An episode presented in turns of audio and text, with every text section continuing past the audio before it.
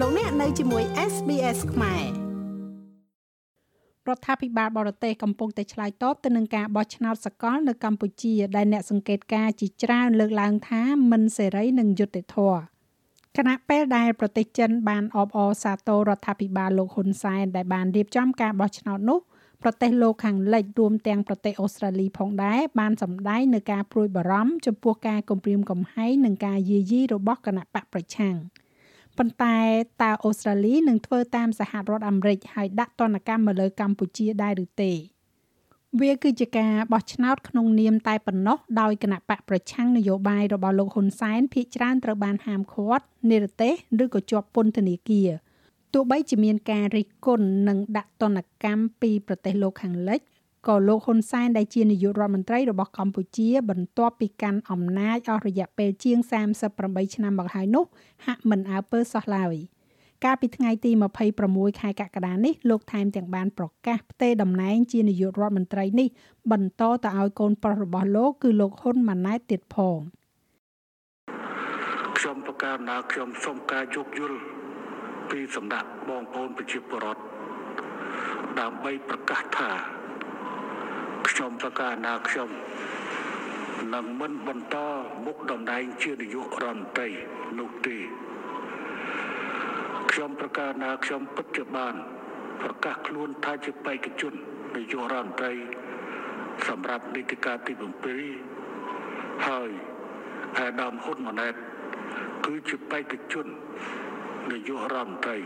អនាគតតែសភាពការ គឺបានតម្រូវឲ្យត្រូវធ្វើការរៀបចំរាជរដ្ឋាភិបាលចាប់ពីដើមរដ្ឋនេះទៅ ដើម្បីធានានៅភាពរលូននៃដំណើរការរាជរដ្ឋាភិបាលដោយគ្មានអាខាត នៅក្នុងវីដេអូដែលបានថតទុកជាមុននោះលោកនាយករដ្ឋមន្ត្រីហ៊ុនសែនក៏បានប្រកាសផងដែរថាមេដឹកនាំកម្ពុជាកម្ពុជាចាស់ចាស់មួយចំនួនដូចជាលោកឧបនាយករដ្ឋមន្ត្រីសខេងសម្ដេចពិជ័យសេនាទាបបាញ់សម្ដេចម៉ែនសំអននិងឧបនាយករដ្ឋមន្ត្រីមួយចំនួនទៀតក៏នឹងត្រូវដល់ពេលចាកចេញពីតំណែងដូចគ្នាដែរដោយទុកឱកាសឲ្យកូនចៅចំនួនក្រោយជាអ្នកបន្តវេនដូច្នេះវាមានការចាប់បាច់ណាស់ ដើម្បីឲ្យ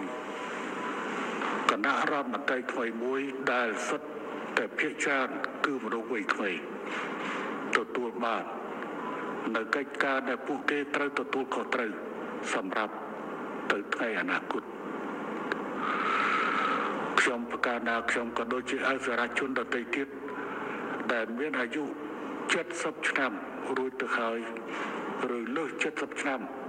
រហូតដល់ជាង80ឆ្នាំក៏បីត្រូវនៅពីខាងក្រោយខ្នងក្រោយពីការបោះឆ្នោតនៅប្រទេសកម្ពុជាបានបញ្ចប់ទៅភ្លាមភ្លាមសហរដ្ឋអាមេរិកបានប្រកាសធ្វើការរឹតបន្តឹងលើទឹកដីការសម្រាប់បុគ្គលមួយចំនួនដែលបានបំផ្លាញលទ្ធិប្រជាធិបតេយ្យហើយនឹងធ្វើការផ្អាកទៅលើកម្មវិធីជំនួយបរទេសមួយចំនួន។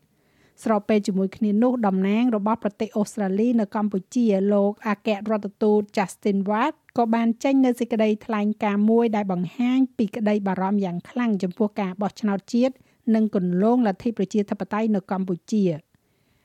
SBS News ក៏បានសាកសួរទៅកាន់ក្រសួងកិច្ចការបរទេសនិងពាណិជ្ជកម្មអូស្ត្រាលី ថាតើរដ្ឋាភិបាលអូស្ត្រាលីនឹងដើរតាមសហរដ្ឋអាមេរិកហើយដាក់ទណ្ឌកម្មមកលើរដ្ឋាភិបាលកម្ពុជាដែរឬទេ SPS មិនបានទទួលនៅចម្លើយដែលឆ្លើយតបដោយត្រង់ត្រង់នោះទេ តែបែរជាបង្វែរឲ្យយោងទៅលើសេចក្តីថ្លែងការណ៍របស់លោកអគ្គរដ្ឋទូតអូស្ត្រាលីប្រចាំនៅប្រទេសកម្ពុជាទៅវិញ។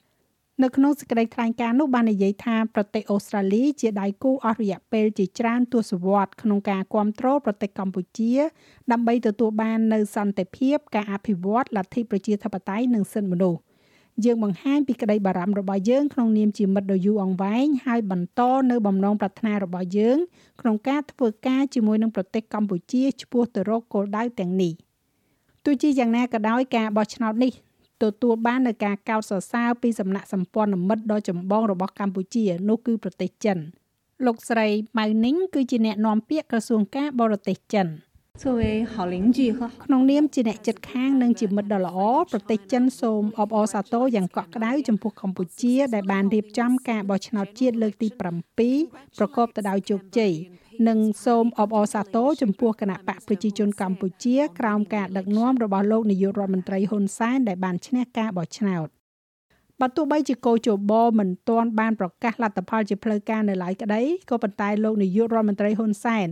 បានប្រកាសរួចហើយថាកូនប្រុសរបស់លោកគឺលោកហ៊ុនម៉ាណែត នឹងឡើងធ្វើជានាយករដ្ឋមន្ត្រីបន្តពីរូបលោក នៅថ្ងៃទី22ខែសីហាខាងមុខនេះហើយរូបលោកនឹងធ្វើជាប្រធានព្រឹទ្ធសភានៅអាណត្តិក្រោយជំនួសលោកសាយឈុំដែលត្រូវចូលនិវត្តន៍ចាស់ហើយរបាយការណ៍នេះចងក្រងឡើងដោយ Aaron Fernandez សម្រាប់ SBS News និងប្រាយសម្រួលសម្រាប់ការផ្សាយរបស់ SBS ខ្មែរដោយនាងខ្ញុំហៃសុផារ៉ានីចុច like share comment និង follow SBS ខ្មែរនៅលើ Facebook